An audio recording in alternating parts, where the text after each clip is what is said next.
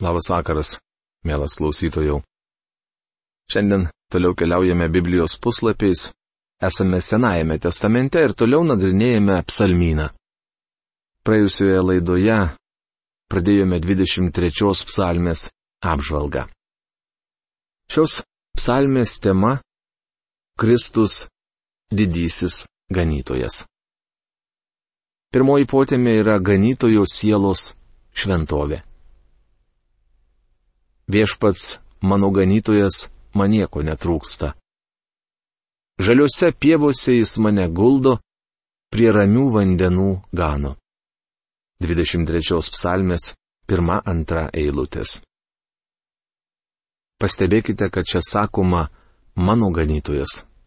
Man nieko netrūksta, jis mane guldo. Tai psalmė apie jį ir mane. Joje akcentuojama tai, kad niekas neskiria žmogaus ir Dievo. Viešpats - mano ganytojas. Pirmoje eilutėje skaitome teiginį ir išvadą. Be pigų sakyti, viešpats yra ganytojas.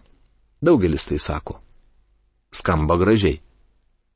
Bet ar galite suosmeninti šį teiginį ir pasakyti, viešpats mano ganytojas.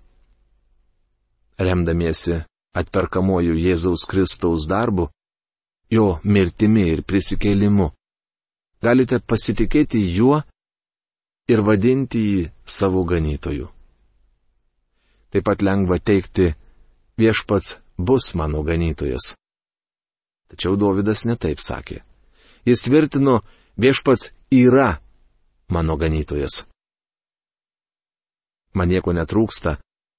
Profesoriaus Algirdo Jurieno Biblijos vertime skaitome, aš nieko nestokosiu. Pastebėkite, kad Davidas nesako, aš nieko nestokojau, bet aš nieko nestokosiu. Ko man reikia? Saugumo. Aš esu avis, mažas gyvulėlis. Todėl mano ganytojas pasirūpina, kad man netrūktų apsaugos jis saugo mane. Tik turėdama nuostabų ganytoją maža avelė gali pasakyti, aš nieko nestokosiu, aš nepražūsiu. Aš nieko nestokosiu. Dievo vaikas gali būti tikras dėl savo ateities. Tikinčiojo saugumas priklauso nuo ganytojo. O išvados grindžiamos jo teiginiais. Vienas mano bičiulis, persikėlęs gyventi į Oregono valstiją, sėkiai girdėjo mane kalbant apie avis. Vėliau jis man sakė, daktarė Magi, iš jūsų kalbos galima susidaryti įspūdį, kad avys yra gražus, mėly ir visiškai nekalti gyvulėliai. Norėčiau parodyti jums keletą avių. Tuomet pakvietė mane pietų. Tadien jis suvarė krūvon keletą avių ir papietavę mes nuėjome jų apžiūrėti. Kai aš stebėjau avis, jis man pasakė, tai užsispyrę, kitas prandžiai ir buka galviai gyvuliai, bet to purvini ir atgrasus. Visai kaip žmonija, atsiliepiau aš. Avis puikiai apibūdinamus. Avims reikia ne vien saugumo, joms būtinas maistas. Žaliuose pievose jis mane guldo. Kitaip tariant, parūpina maisto. Avių augintojai sako, kad alkanos avys neguli. Jei jos guli žaliuose pievose, vadinasi, yra prisėdusios lygi soties. Mūsų maistas - Kristus. Jėzus atsakė, aš esu gyvybės duona. Kas ateina pas mane, niekuomet nebeelgs ir kas tiki mane, niekuomet nebetraukš. Rašoma Jono Evangelijos 6 skyriaus 35 eilutėje. Prie ramių vandenų gano. Neramus vanduo gazdina vis, bet to ir stovintis vanduo joms nepatinka. Avys nenori gerti iš keulių lovio. Visą tai taikytina žmonijai. Šiandien mums reikia poilsio, ne fizinio ar protinio, bet sielos atilsio. Pamenate, ką Davidas sakė, 55 psalmės 7 eilutėje. O kad turėčiau balandžio sparnus, sakau, skriščiau toli ir raščiau ramybę. Jis norėjo pabėgti nuo viso, kas jį supa. Tačiau suprato, kad tai neįspręs jo problemų. Dovydui reikėjo išmokti pasitikėti viešpačiu, pasilikti jame ir kantriai jų laukti. Viešpats Jėzus sako, ateikite pas mane, visi, kurie vargstate ir esate prislėgti. Aš jūs atgaivinsiu. Rašoma Mato Evangelijos 11 skyrius 28 eilutėje. Ganytojo mintys ir nusistatymas. Jis atgaivina mano gyvasti ir veda teisumo takais, kaip dera jo vardui. Nors einu per tamsiausią slėnį, nebijau jokio pavojaus, nes tu su manimi. Tavo ganytojo lasda ir vėzdas apgins mane. 23 psalmės 3-4 eilutės. Jis atgaivina mano gyvastį. Davidas žinojo, ką tai reiškia. Šis vyras nusidėjo. Jis buvo ta paklydusi avelė, kurią ganytojas surado ir gražino į gardą. Jis veda teisumo takais, kaip dera jo vardui. Jis veda, bet mes turime sekti. Viešpats Jėzus kalbėjo religiniams vadovams savo priešams. Aš jums pasakiau, tik jūs netikite. Mano darbai, kuriuos aš darau savo tėvo vardu, liudyja apie mane, bet jūs netikite, nes jūs ne manosios avys. Manosios avys klauso mano balso, aš jas pažįstu ir jos seka paskui mane. Užrašyta Jono Evangelijos 10 skyriaus 25-27 eilutėse. Avys seka paskui savo ganytoje Tokiu būdu nesunku įsiaiškinti, kam jos priklauso. Jėzaus dienomis piemo niekuomet negindavo avių, bet jas vesdavo. Šiandien viskas yra kitaip. Lankydamasis Izraelio krašte, labai retai matydavau piemenį einantį avių prieš akiją. Tačiau Kristaus laikais piemo kasdien būdavo su savo avimis. Avis pažinodavo jį ir sekdavo paskui. Mūsų ganytojas veda mus teisumo takais, bet mes galime pasirinkti, ar seksime paskui jį. Nors einu per tamsiausią slėnį, nebijau jokio pavojaus. Profesorius Algirdas Jurienas šią psalmino vietą verčia taip. Nors aš ir eičiau per mirties šešėlio slėnį, nebijosiu piktą. Čia matome ryštą ir paguodą. Mirtis - didžiausias gyvenimo išbandymas. Kalbu ne vien apie paskutinėsias gyvenimo valandas, kai žmogus guli mirties patale.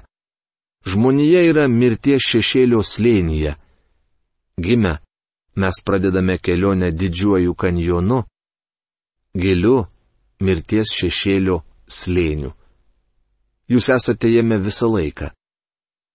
Los Andželė sakoma, jei eini per gatvę, verčiau paskubėk, nes čia yra tik dvi rūšys žmonių - greiti ir negyvi. Jei nesigreitas, būsi lavonas. Visi mes keliaujame mirties šešėlio slėniu. Kaip kažkas yra pasakęs, tik gimęs žmogus ima merdėti. Visi mes esame mirties slėnyje. Ant mūsų krenta mirties šešėlis. Tačiau keliaudamas šiuo slėniu aš nebijosiu pikto, Tai drąsinantys pagodo žodžiai, suteikiantys vilties, kai šį pasaulį palieka mums brangus Dievo šventieji. Nebijosiu pikto, nes tu su manimi. Mes galime žinoti, kad mūsų ganytojas visuomet su mumis, net mirties valanda. Noriu, kad jis būtų su manimi, kai ateis mano paskutinioji. Tavo ganytojo lasda ir vėzdas apgins, arba kaip verčia kostas burbulys, nuramina mane. Lasda buvo skirta rodyti avims kelią, o vėzdas gynybos priemonė. Ganytojas švelniai pataiso mus, ir griežtai sudraudžia. Jis apgina mus savo vėzdu, o jo lasda neleidžia mums iškrypti iš kelio. Matote, avys linkusios klaidžioti, bet ganytojas turi lasdą, kurią jas sugražina. Tai mane godžia. Žvelgdamas į nugyventas dienas, suprantu, jog toji lasda iš tikrųjų yra didelė paguoda. Daugelį kartų jį pataisė mane ir sugražino į gardą. Dėl to esu jam be galo dėkingas. Mums visiems reikia viešpaties auklybos. Ganytojo širdies džiaugsmas ir viltis. Tu padengi man stalą mano priešų matomoje vietoje, patepi dosniai mano galvą aliejumi, sklidina mano taurė. Tik gerumas ir ištikimoji meilė lydės mane per visas mano gyvenimo dienas ir aš visada gyvensiu viešpaties namuose. 23 psalmės 5-6 eilutės. Šiuose eilutėse atsispindi ganytojo širdies džiaugsmas ir viltis. Tu padengi man stalą mano priešų matomoje vietoje. Čia matome pripažinimą, vaisingumą ir pilnatvę. Visą tai apjuosta džiaugsmu. Ką mums šiandien reiškia šis stalas? Manau, čia kalbama apie viešpaties stalą. Tuo metu, kai buvo parašyta ši psalmė, skaitytieji žodžiai apibūdino Dievo pažadą Izraeliui dėl fizinių palaiminimų. Mums viešpats žada dvasinę palaimą. Patepidosniai mano galva aliejumi. Aliejus simbolizuoja šventąją dvasę. Šiandien mums reikia jos patepimo. Negalime vieni kovoti gyvenimo kovų sklidina mano taurė. Čia simboliškai kalbama apie džiaugsmą. Šiandien mums reikia apsijuosti džiaugsmu. Viešpats sako, aš atėjau, kad žmonės turėtų gyvenimą, kad apšiai jo turėtų, rašoma Jono Evangelijos 10 skyriaus 10 eilutėje. Viešpats nori, kad mūsų džiaugsmas būtų apstus. Tai primena man mažą mergaitę, kuri sakė, Viešpatie pripildyk mano taurę. Manyje nedaug telpa, bet užtat gali gausiai lėtis per kraštus. Ak kaip stinga šiame pasaulyje krikščionių, kurių taurė būtų sklidina ir lėtusi per kraštus.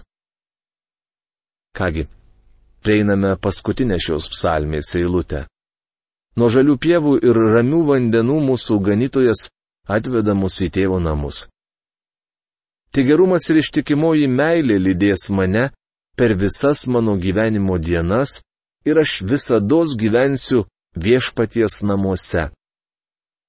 Evangelijos pagal Joną 14 skyriaus antroje trečioje eilutėse viešpats sako mums, einu jums vietos paruošti. Kai nuėjęs paruošiu, vėl sugrįšiu ir jūs pas save pasiimsiu, kad jūs būtumėte ten, kur ir aš. Žinot, Mes nesame grinaveisliais avys, nors ir jos nedaug te vertos. Tačiau turime nuostabų ganytoją. Ar šiandien galite pasakyti, viešpats mano ganytojas?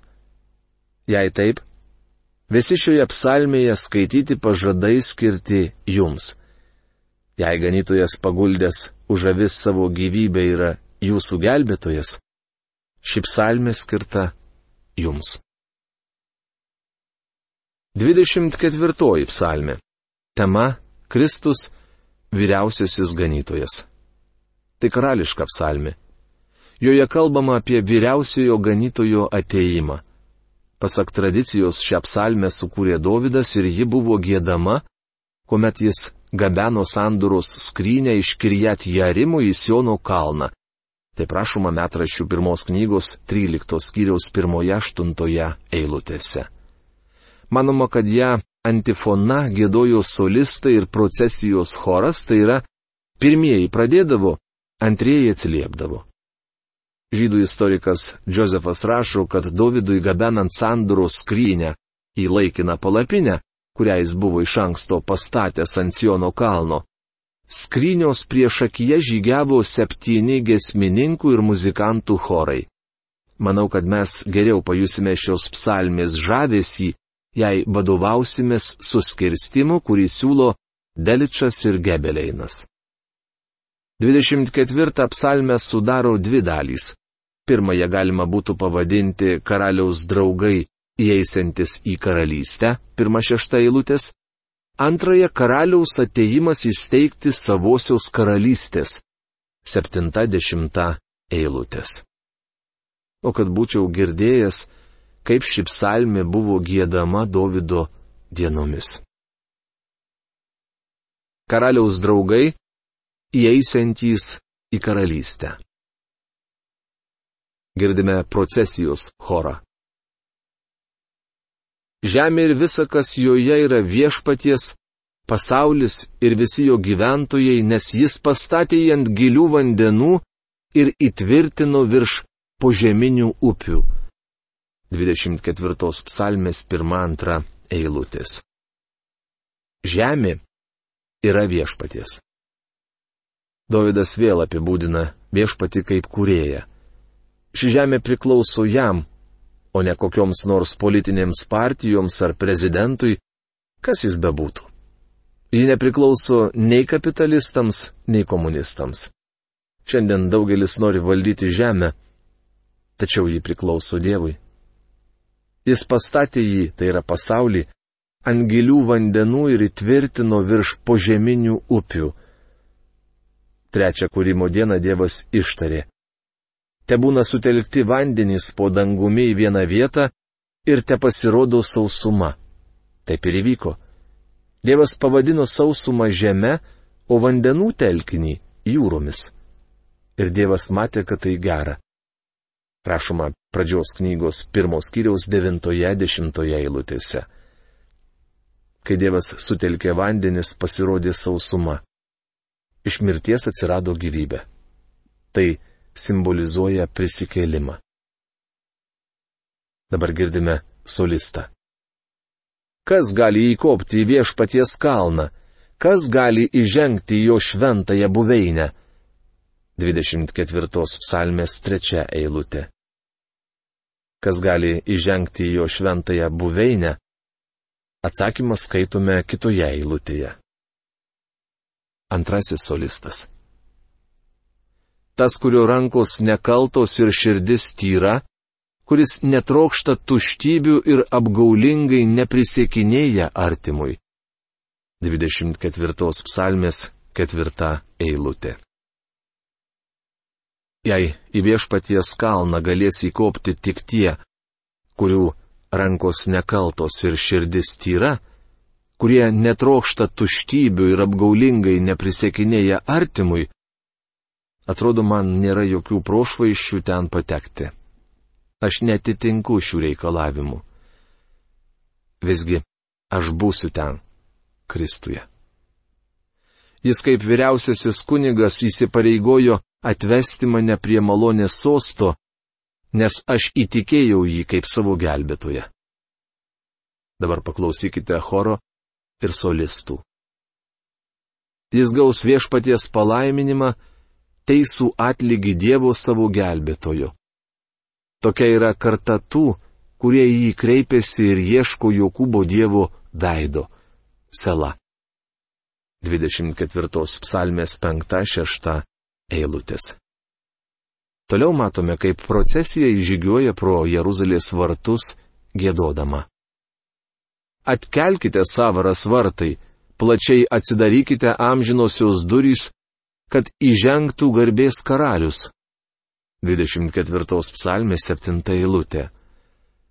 Balsas nuo vartų teiraujasi, kasgi tas garbės karalius, o choras jam atsako. Kasgi tas garbės karalius?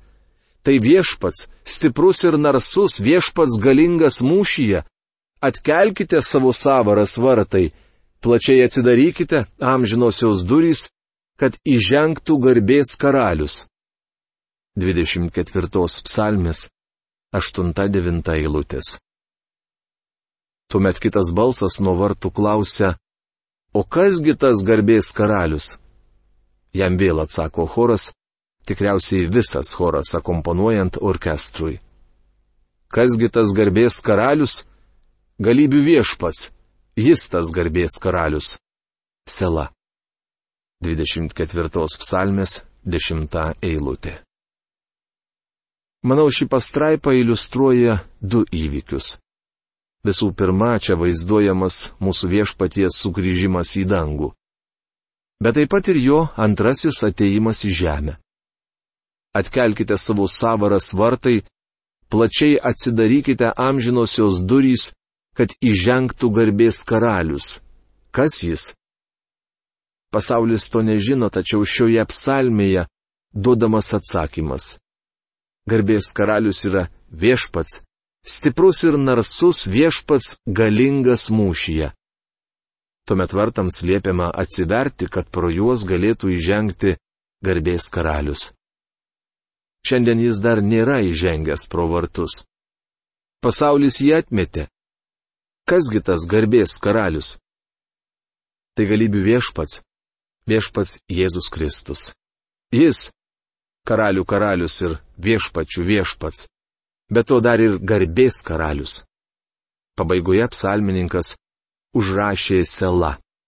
Vadinasi, mums reikia apsvarstyti šias eilutes. Brangiai, tai suteiks jūsų širdžiai palaimą. Mielas klausytojau, o tu ar sustojai savo gyvenime ir susimastei ties šiomis eilutėmis? Mano malda už jūs, kad jūs šiandien sustotumėte ir susimastytumėte, ar jūs pažįstate tą garbės karalių, amžiną į Dievą, kuris meldžiasi už jūs, kad jūs ateitumėte į amžinąją bendrystę su juo. Šios dienos laida baigta. Laukiame jūsų laiškų ir iki malonaus susitikimo. Sudė.